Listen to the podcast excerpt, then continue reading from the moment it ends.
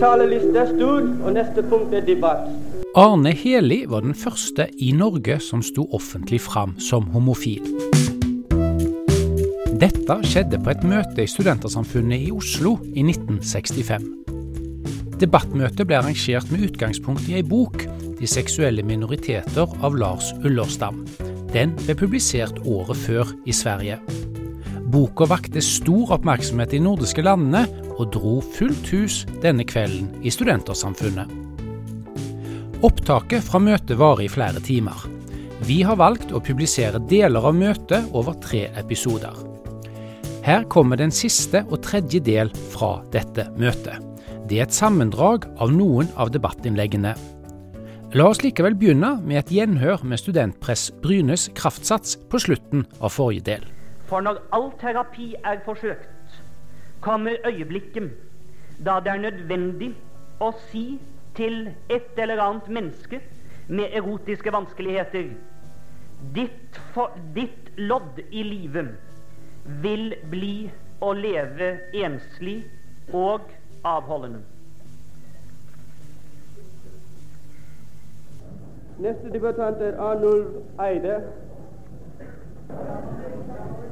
Når det er en realitet at det finnes mennesker med avvikende driftsliv, så må det hjelpes. Men avvikerne vil støtt alt, i alle samfunn møte vansker, store vansker fordi det uråd å forandre på fordommer hos mennesker. Det undrer meg Jeg tenkt på eh, hvordan det oppstår det skilnader i eh, driftsliv. Hvordan blir folk eh, seksuelt forskjellige? Det er jo en kjensgjerning at i uh, utprega mannssamfunn som kloster og fengsel, det er en tendens til å bli utvikla homofili, og uh, likeens i klosterskoler. Men dette er bare et eksempel. Det må bli gransket, det bør, bør bli undersøkt, og prøve å finne uh, grunnene til at det blir utvikla skilnader i uh, seksuelt drifter. Og da kan treffe forebyggende tiltak og slik hjelpe flest mulig. Fordi det uråd å forandre fordommer hos mennesker. Takk.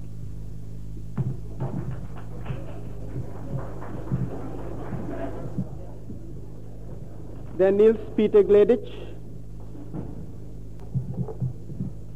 Jeg vil innledningsvis eh, beklage at uh, Lars Ullestam synes har falt i den felle som veldig mange gjør, som har skrevet en god bok om et emne, nemlig at de etterpå prøver å holde eh, et foredrag om det. Det viser seg erfaringsmessig å være meget vanskelig. Eh, og jeg synes da også at eh, mens Lars Ullerstams bok etter min mening er, er god, så var hans foredrag i dag for springende. Og jeg derfor, tror derfor debatten hadde vært bedre om folk hadde tatt utgangspunkt i boka, og ikke bare i de kommentarene til boka som Ullerstam ga i sin innledning prøve å sette fingeren på et par punkter som forekommer meg uh, å være vesentlig i denne debatten. Det ene er påstanden om at, som er kommet for fra Carling, om at seksuelle avvik går sammen med andre avvik, f.eks. av følelsesmessig uh, karakter. Um, det er klart at dette er ikke i og for seg bevist. Det er to grunner til det. For det første utvalgsteknikken. Som Ullerstam har påpekt, så vil de seksuelle avvikere som, som psykiatere og muligens også forskere i dag kommer i kontakt med, eh, de vil være eh, folk eh, som kanskje nettopp kommer til en psykiater fordi de lider av psykiske vanskeligheter på andre felter. Det er, det er vanskelig på grunnlag av slikt materiale å uttale seg om de seksuelle avvikene generelt i befolkningen.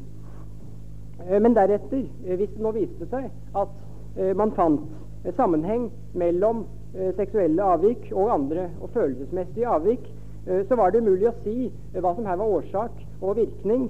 Eh, for det kunne jo tenkes at det var det sosiale presset som vårt samfunn retter mot seksuelle avvikere, som var årsaken til de psykiske konfliktene. Her er, det en, er det en nøyaktig parallell med forskningen om, omkring rase, f.eks. i USA. Den biologiske, sosiologiske og psykologiske forskningen.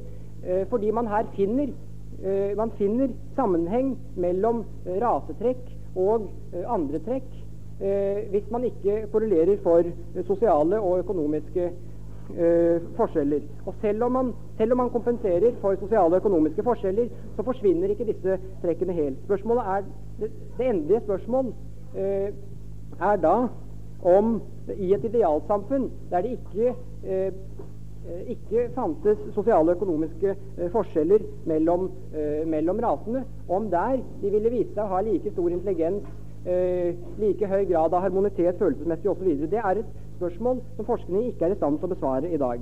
Altså Vi må konkludere eh, både når det gjelder raseforskning og når det gjelder eh, forskning omkring seksuelle avvikere. Eh, så må vi, vi må konkludere at vi trenger mye mer forskning her.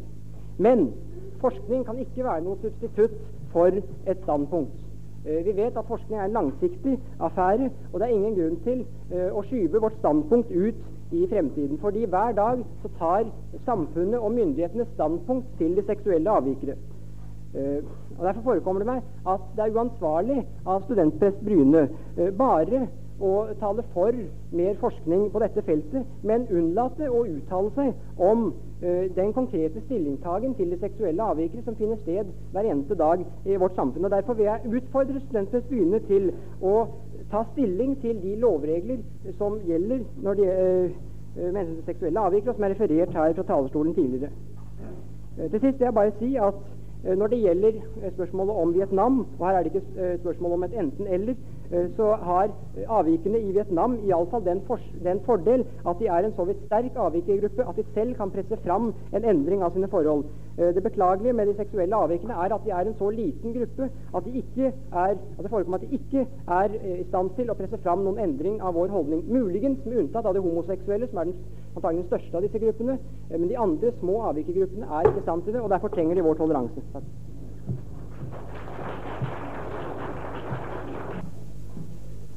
Jepsen og deretter Olaf Kran. Herr formann, det var én ting som Bryne var inne på, som jeg i grunnen har tenkt meget over, og som jeg ikke akkurat kan si meg helt enig i. Han nevnte at denne oppfatning han gjorde seg til talsmann for, at det var den kristne oppfatning.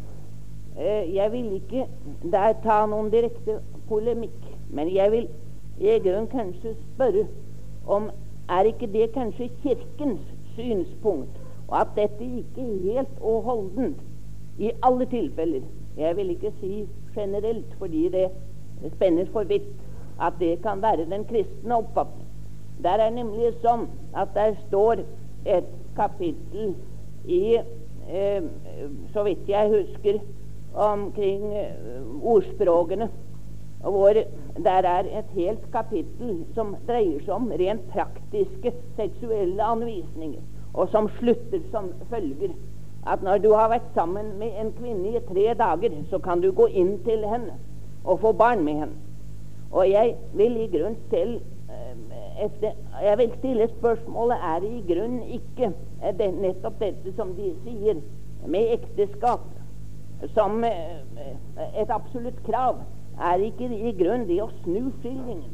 Er i grunn ikke ekteskapet under visse forutsetninger nettopp fullkommengjørelsen av dette.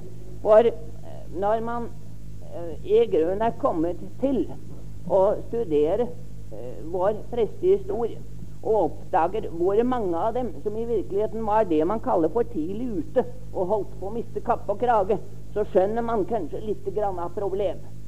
Nå er det det, det er, Jeg vil si i grunnen som en avslutning at det er det eneste jeg er sint på eh, Kristelig Folkeparti. Det er det at de veltet dette at Riksforbundet for seksuell opplysning skulle opprette et kontor her i Norge. Den var jo, altså Riksforbundet for seksuell opplysning ble i sin tid stiftet av en norsk prestedatter pga. visse omstendigheter.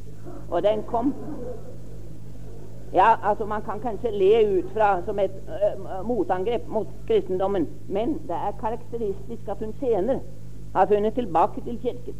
Og det er også karakteristisk at til å begynne med var den svenske kirken og Riksforbundet for seksuell opplysning som hun og Kapp, I dag har de felles ekteskapsskoler fordi de er klar over at det er en ting som man kanskje ikke liker å snakke om, men det er det at eh, der viser seg kanskje at det er mennesker som ikke egner seg for å leve i et ekteskap, men hvor i grunnen alle de rent fysiske faktorer peker mot, og de er klar over at i visse tilfeller kan avholdenhet faktisk Altså, de regnet med at, ja, at eh, dette skulle være eh, uskadelig. De er kommet til at dette kanskje kunne ha noen annen eh, ting. Og nettopp ved å få disse tingene ved at man virkelig har et sted å ty hen til, hvor man altså, som de selv sier, fagfolkene der borte, hvor man ikke enbart er altså, psykiater, men altså virkelig fagfolk på dette spesielle området, og hvor man da kan få den veiledning som er nødvendig for at man selv kan finne frem til et bedre liv.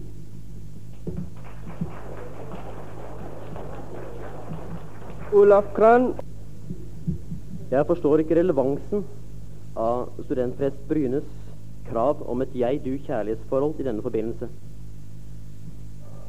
Jeg syns at studentpressens innlegg var preget av nettopp den blindhet som Ullerstam fryktet.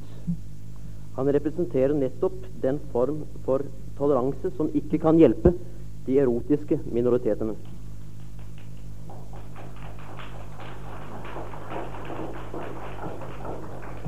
Det som for meg er det vesentligste i denne forbindelse med Ullerstams foredrag, er den forpliktelse han krever av oss.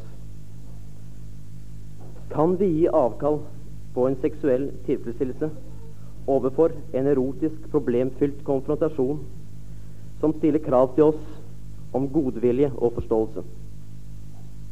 De som føler seg normale og lever et seksuelt liv som gir dem tilfredsstillelse, har råd til et slikt ideelt krav.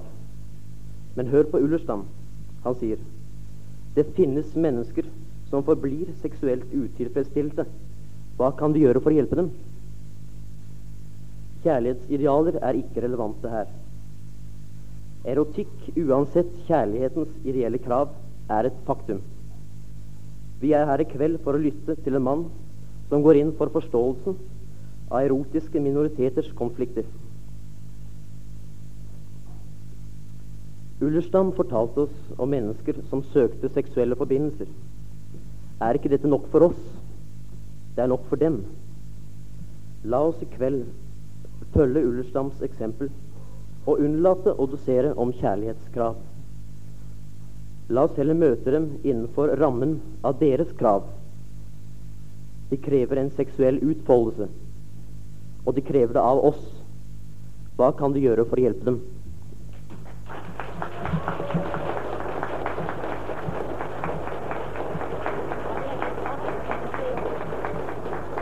Leif Mølle Stray. Jeg syns ikke det der var noe særlig godt innlegg, jeg. Jeg syns det var det rene tøv. Det er jo nettopp den, det er tingliggjørelsen man gjør av mennesker. Man reduserer det til en ting. Det er ikke ting, for det er medmenneskelige relasjoner, også mellom homoseksuelle, enhver annen eh, eh, eh form for seksualitet. Og den legger man totalt ut av bildet. Man tenker det ikke inn som relevant. Man sier at, at, at man skal uh, få drive seksuell virksomhet uten å trekke inn det medmenneskelige relasjon. Det er aldeles tøvet.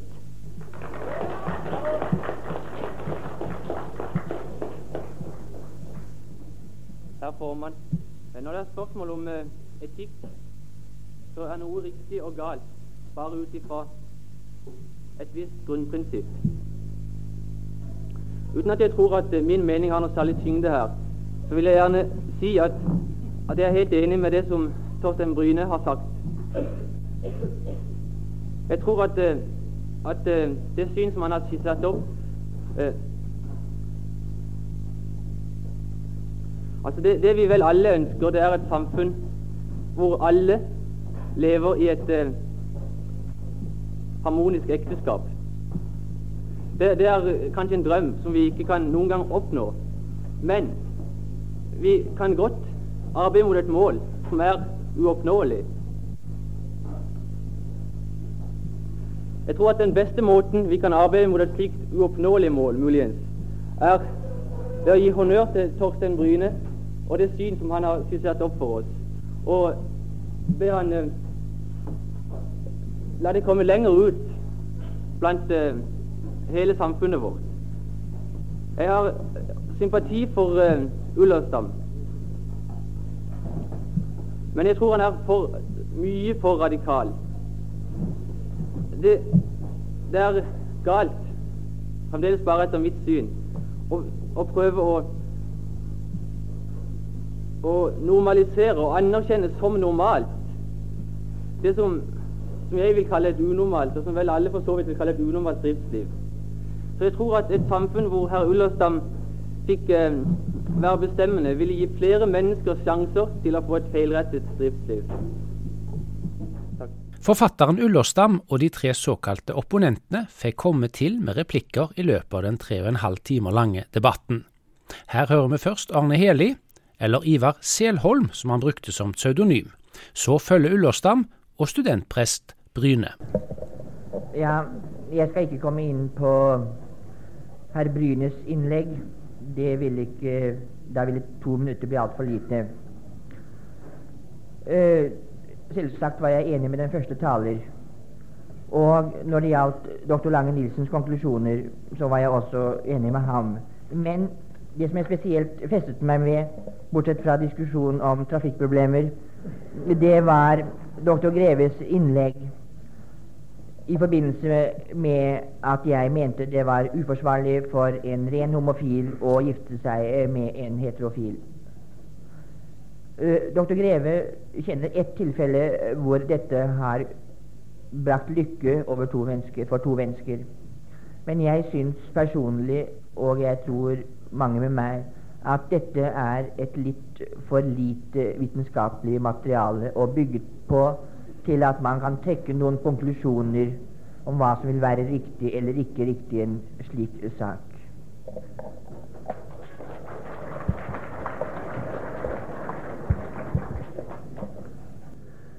Tillåt meg å uttrykke min store glede med anledning av at nästan samtlige talare demonstrerte stor högaktning og stor eh, lust å hjelpe eh, de sexuellt avvikande.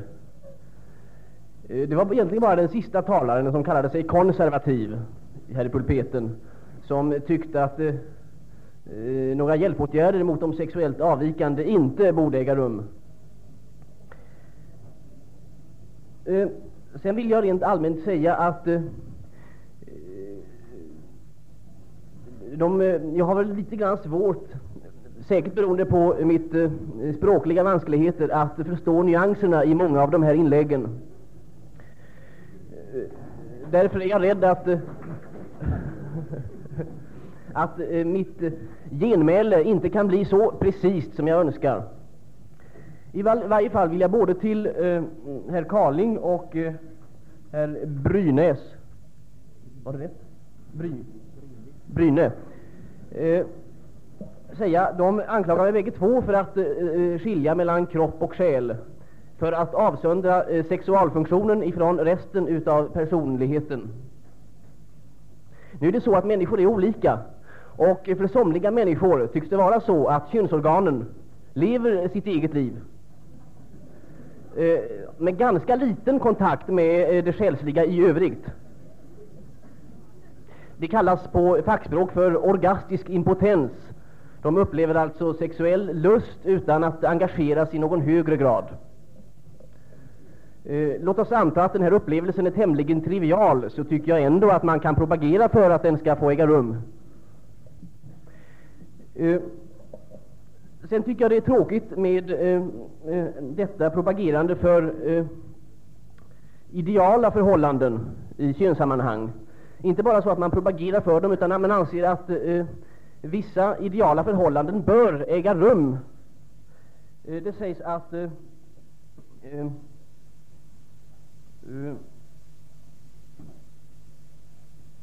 att könsligt umgänge, säger herr Bryne, ger en möjlighet för eh, oss, för två människor, att uppnå ett transcendent förhållande, alltså mellan två människor. Ja.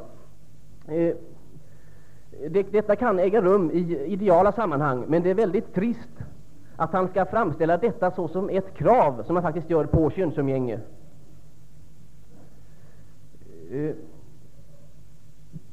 Det är underbart om sånt äger rum, och sånt äger rum ibland, men det är tråkigt det skapar minder, mindervärdeskänslor att kräva detta utav människor.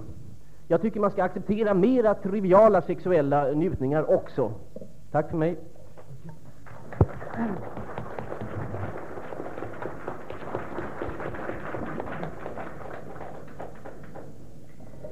Eh, Det har vel kanskje ikke så stor hensikt å kommentere så mye det som er sagt, for det kan veldig lett bli en, en gjentagelse. Det jeg likevel hadde håpet, både hos, um, hos doktor Ullerstam og hos flere, var om vi kunne få en noe større erkjennelse av dette at begrepet forpliktelse er noe ikke bare noe som er konstituerende for hele den seksuelle aktivitet, men også er noe konstruktivt i hele den menneskelige utvikling, også i utviklingen av kjønnslivet som sådant.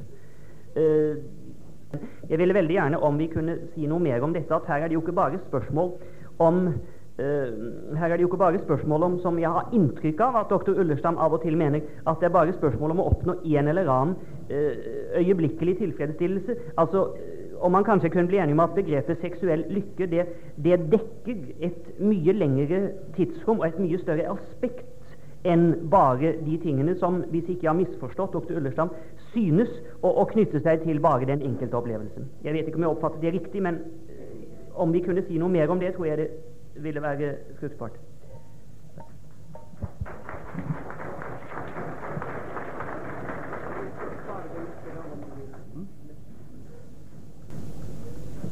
Og neste på talelyst er Olaf Bakke.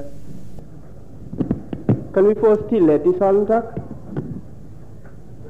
Personlig mener jeg at man fortsatt må betrakte de mennesker som syke, som har så store avvikelser på driftenes, følelsenes eller assosiasjonenes område at dette fører vedkommende ut i alvorlige vansker i forhold til samfunnet. Uansett om man selv føler denne sykdommen. For det er jo svært ofte i psykiatrien at vi ser at mennesker som lider av sinnssykdom, ikke selv har eh, forestilling om at de er syke. De påstår at de er friske, og at de aldeles ikke trenger noen slags behandling. Men dette gjelder ikke for alle seksuelle avvik, det vil jeg presisere. Men jeg mener de er syke, de større seksuelle avvikere. Hvis man aksepterer Ullerstams utsagn om at de seksuelle avvikere er friske og for så vidt normale mennesker, hva må man ta med på kjøpet hvis man skal kunne følge hans argumentasjon og godta hans synspunkter? Jo, man må mer eller mindre forkaste de fleste normer som eksisterer her i vårt samfunn for mellommenneskelig atferd. Man må forkaste enhver her eksisterende seksualmoral og enhver kristen preget religiøsitet og ethvert meningsfullt livssyn og godta at vi lever i en gold og absurd verden på kanten av det tomme intet. Det gjelder å nyte mens man kan. Ullestams menneske er en feedback-mekanisme, der den fasiliterende del er driftene, og den inhiberende del er tilfredsstillelsen av disse. Men selv med dette kan han ikke godta alle avvikelser, Ullerstam selv. Jeg synes det er påfallende hvorledes Ullerstam tar mer eller mindre avstand fra de sexavvikelser som medfører risiko for andre menneskers liv og helse, mens han godtar de som påfører andre mennesker ubehagelige opplevelser. Det ubehagelige ved dem må jo bare tilskrives ofrenes fordommer, og da er det naturlig at disse må forandres. Det hele minner litt om historien om de hundre rekruttene som marsjerte, hvorav en i utakt, som påstod at de andre skulle skifte takt. Hvis man vil forsøke å hjelpe disse mennesker, er det vel mer realistisk å prøve å tilpasse dem til samfunnet. La meg så få lov å konkludere med hva vi skal gjøre med dette problemet. Jeg mener at problemet kaller på vår medmenneskelighet, vår toleranse og vår nestekjærlighet. De bør inspirere til øket og fornyet forskning innen psykiatri, psykologi og sosiologi. Men først og fremst, og først og sist, de er våre medmennesker, og det skal vi huske på. Takk. I dette opptaket som Arkivverket har tatt vare på, får vi òg en liten overraskelse. Arne Helis samboer Øyvind Eckhoff reiste seg og tok ordet under sitt eget navn. Øyvind Eckhoff. Først en eh, replikk, eller noen ord, til eh, presten Bryne. Eh, jeg syns det var helt påfallende med en, eh, den inkonsekvens som gjorde seg gjeldende i hans argumentasjon. Eh, det var, det var så tydelig at han begynte den på et helt allmennmenneskelig plan, men så gikk han umerkelig over til det spesifikt kristne plan. Han sa nemlig at seksuallivet må tjene som uttrykk for kontakten mellom et jeg og et du. Altså for kontakten mellom mann og kvinne. Men er da ikke en mann og en mann og en kvinne og en kvinne også et jeg og et du? Og jeg forutsetter at eh, all den stund eh, pastor Bryne deltar i det hele tatt i den debatten, så må han jo vite at også kontakten mellom mann og mann og kvinne og kvinne kan være en, en uh, livgivende og uh, en personlighetsutfoldende og utviklende kontakt mellom et jeg og et du. Uh, det var det. så over til simpelthen spørsmålet om de seksuelle avvikere de, altså de, Nå tenker jeg på de mer spesielle og mindre utbredte fenomener. Eh, jeg tror at når det gjelder seksuallivet, har de fleste av oss ikke evnen til å se eh, saklig på det. Eh, vi kan f.eks. Sett nå at vi eh, eh, treffer et begavet ungt menneske som har vitenskapelige evner, men eh, bruker disse til en intens konsentrasjon om frimerkesamling og frimerkestudier.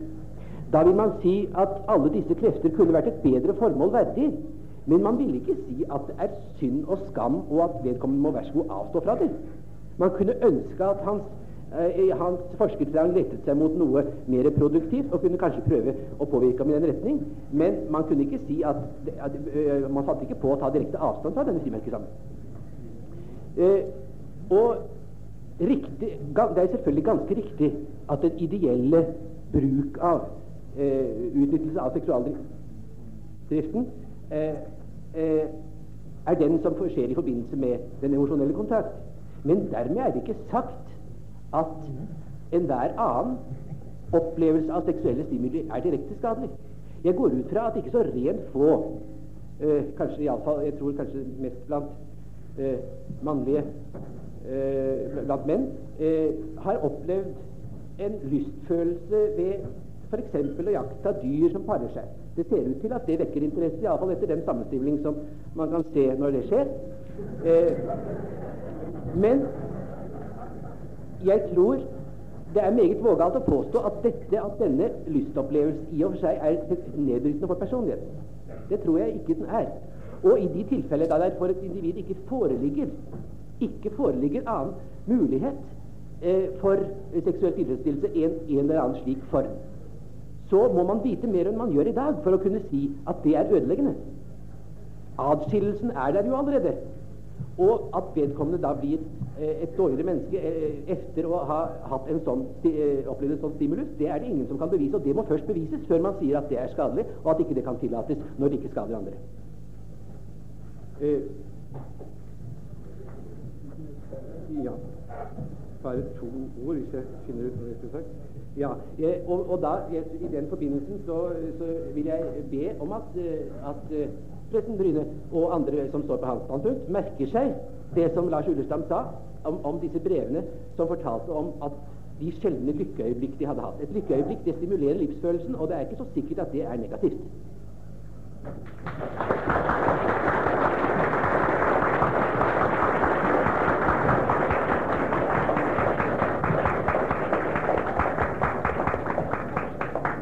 Vil De starte, Torstein Bryne?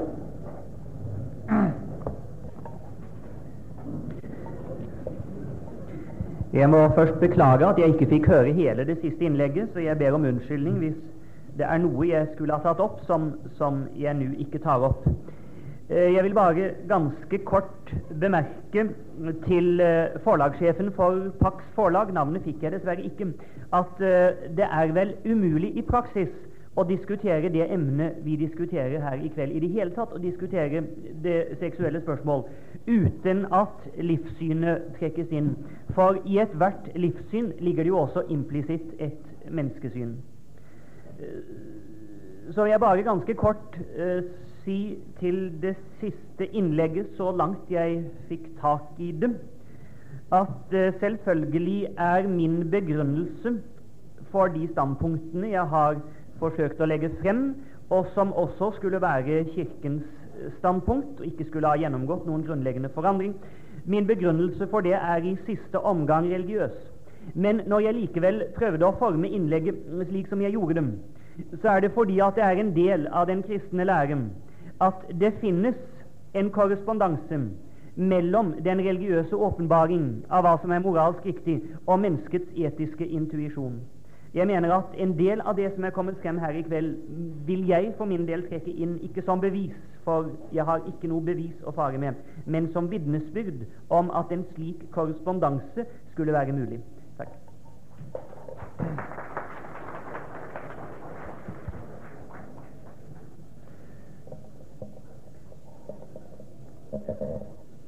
Jeg tror det var eh, taler nummer to som kom inn på helbredelse og snakket om en tilbakeføringsprosess. I denne forbindelse vil jeg ganske kort gjøre oppmerksom på at for det første så er det en stor mangel på det man kan kalle presumptivt fagkyndige i denne by. Og for det andre så er en slik behandling Kan de få stillhet i salen, takk? Og for det andre faller en slik behandling u meget kostbar, og den tar svært lang tid, slik at det kun er de færreste mennesker som har råd og anledning til å søke den nødvendige psykiatriske hjelp. Til slutt lar vi Finn Karling, studentprest Bryne og Arne Heli, eller Ivar Selholm, runde av debattkvelden, som varte i nærmere fem timer. Da dette er et avsluttende innlegg, så vil jeg benytte anledningen til å uttrykke min glede over at Ullestad glede over at Ullestad uh, skrev sin bok og våger å reise rundt og holde sitt foredrag. Uh, det til tross for at jeg er mer enig i hans kritikk enn i hans løsninger, slik han legger dem frem i sin bok, i hvert fall. Jeg syns det er utmerket positivt at man får debatter som dette i gang. For meg har denne debatten to konklusjoner. Den ene må være at man så snart som mulig forsøker å få et lovverk som ikke tar sitt utgangspunkt i moralske fordommer i forbindelse med avvikende seksualitet, men vurderer handlinger i forbindelse med seksualitet på like linje med andre menneskelige handlinger. Slik at selve det seksuelle avvik i seg selv ikke har noe med bedømmelsen å gjøre. Det andre, det andre må være at man forsøker, og det er ut fra mitt spesielle synspunkt som avviker fra Ullestad, at man forsøker å få en utvidet mentalhygienisk virksomhet i dette land. Eh, ikke bare begrenset til et par små eh, rådgivningskontorer og et par små eh, klinikker, men at man virkelig ser at man løser både de seksuelt avvikende problemer på lengre sikt, og at det for så vidt som en mulig forebyggelse, og at man løser alle de avvikende menneskers problemer som opererer innenfor rammen av det såkalt normale på denne måten. Takk.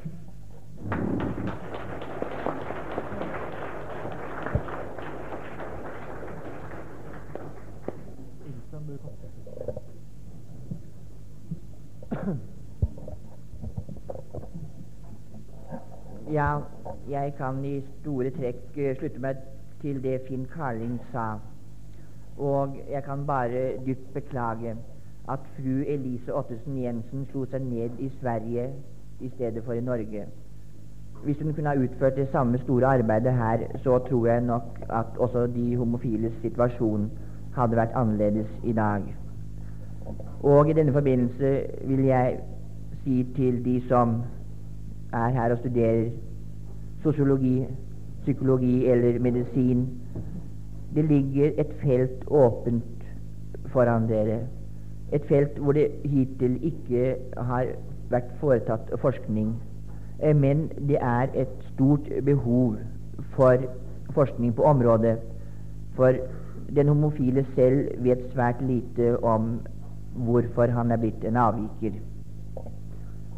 Og så vil jeg også si at skal man håpe på en, et, mere, et friere livssyn og en større toleranse i fremtiden, så bør vel først og fremst skolen gå foran som et godt eksempel. Og til slutt vil jeg gjerne sitere et lite hefte som heter 'Undervisning i forplantningslære rettleiing for lærere'. Det er utgitt av Kirke- og undervisningsdepartementet i 1962.